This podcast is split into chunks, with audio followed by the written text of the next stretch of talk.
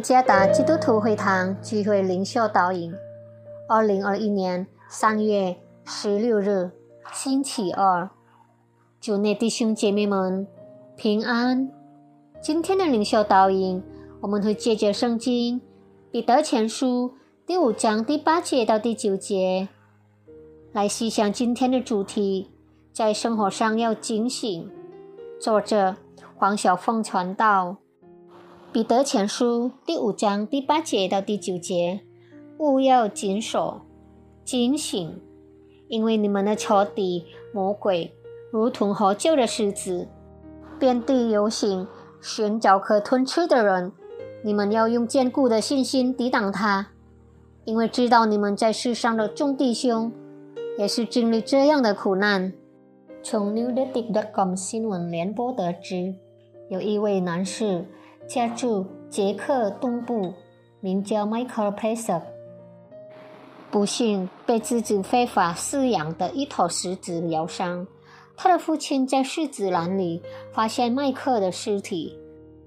麦克有两头狮子分开饲养，事前他曾遭到邻居们的抗议，并且也因非法饲养动物而被罚款。然而，与官方的纠纷并未能获得进一步的进展。他一向不准许任何人踏进他的家。狮子是属猛兽一类，所以政府严禁在住家内当宠物饲养，因为这是非常危险的。像发生在麦克身上的这个事件，最终。自生成了饲养动物的私生品，因为不留神，连生命都丧失了。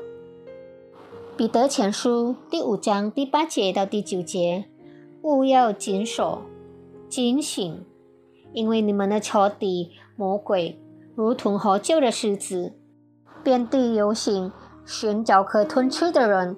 你们要用坚固的信心抵挡他。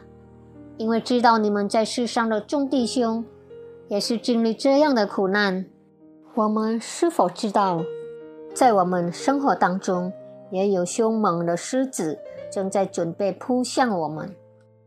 倘若我们不警醒，狮子便要以灵异的方式吞吃我们。